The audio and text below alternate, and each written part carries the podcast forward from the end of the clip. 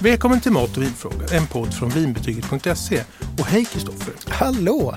I förra avsnittet, det var ett långt avsnitt. Som Vänta, handlade- får jag, nu måste jag... ja, Vet du vad det är för avsnitt idag? Är det avsnitt 50? Ja! Ja, vilket jubileum. Ja, fast vi har inte massa larviga liksom, eh, s- du vet, fanfarer och sånt. Bara lite. Nej! En liten. Nej, kör nu. Okej. Ja, okej.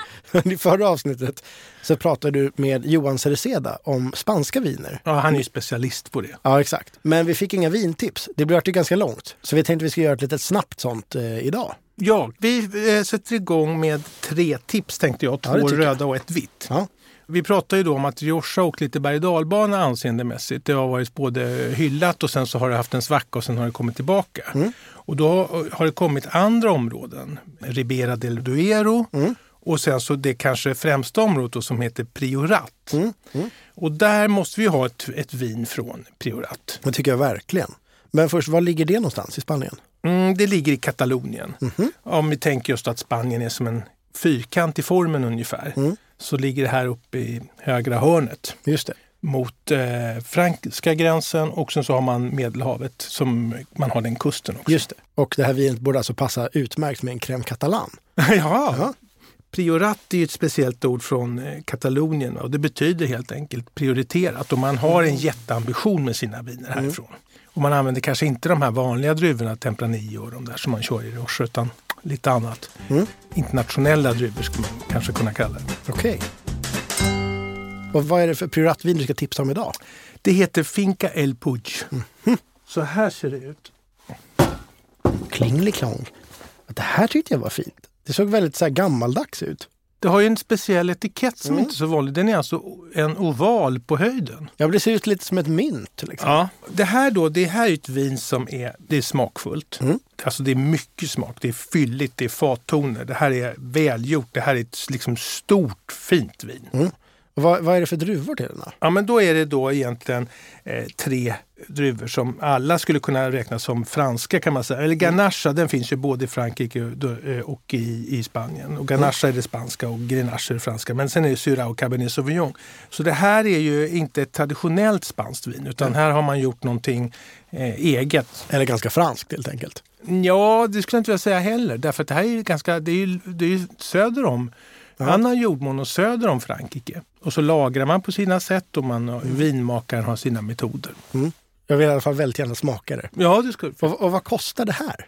ja, men Det här kostar lite mer. Jag skulle vilja säga så här att för att komma upp, vi skulle ju säga att Fra- Spanien är på väg tillbaka och eh, tar upp kampen med Italien och Frankrike. Så det här är ett vin som är påkostat. Jag har för mig att Johan förvarnade lite om att prioratviner är ganska dyra. Ja, just också. det. Så det kostar 249 kronor.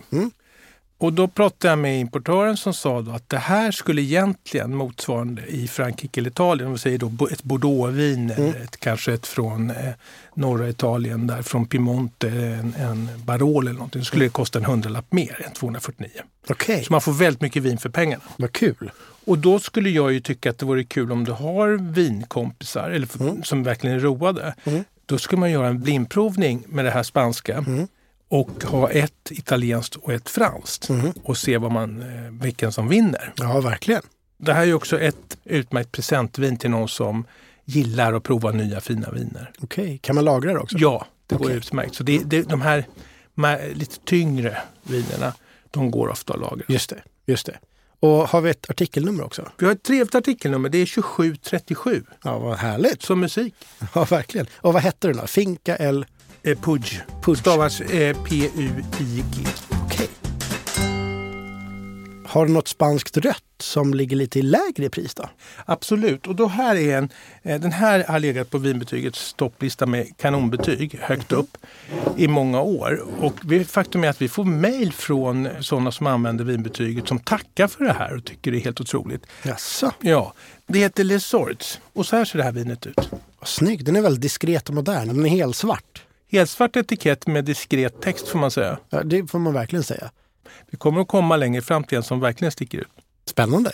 Och det fiffiga, det här är inte heller en Rioja eller så, utan den här kommer från en litet område som ligger nära granne med Priorat. Mhm. Och det heter Monsant. Och Det, det sant, fiff- det låter lite franskt. Ja, och det är ju nära Frankrike. Det är sant. Och det Mm. fiffiga är då att man har ungefär samma förhållande som fina Priorat. Så, så det här de har ju oddsen för sig att göra ett bra vin, Mm. men till en betydligt lägre peng. Och vad, vad kostar det då? Det här kostar 119 kronor. Ja, men det är ju som Ja, hittat. det är väldigt lågt och bra pris. Ja. Och El Sorts, det betyder faktiskt tur på katalanska. Mm. Ja. Tror du att man får det om man dricker? ja, i alla fall priset tycker jag är tursamt. Ja, det är det faktiskt. Ja, och det här har också eh, franska druvor. Det Mm. här är Carignan och Grenache. Och det här är då, det är väldigt välbalanserat vin. Okej, vad, vad betyder det? Ja, men man ser att det har tre smakdelar. Mm.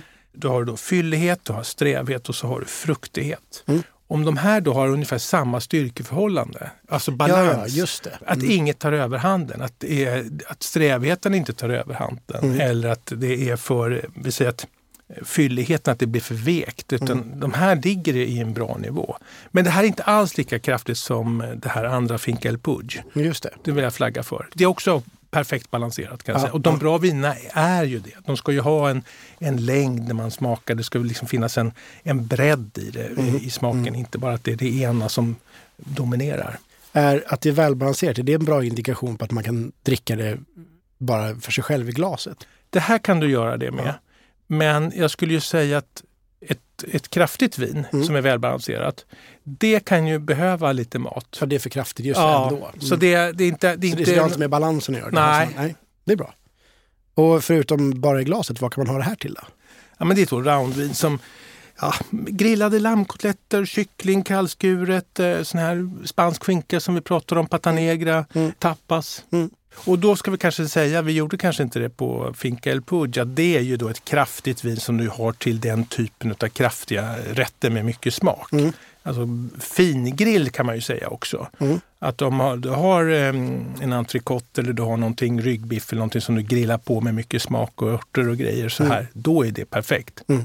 Och det tycker jag också är väldigt bra till lagrade hårdostar.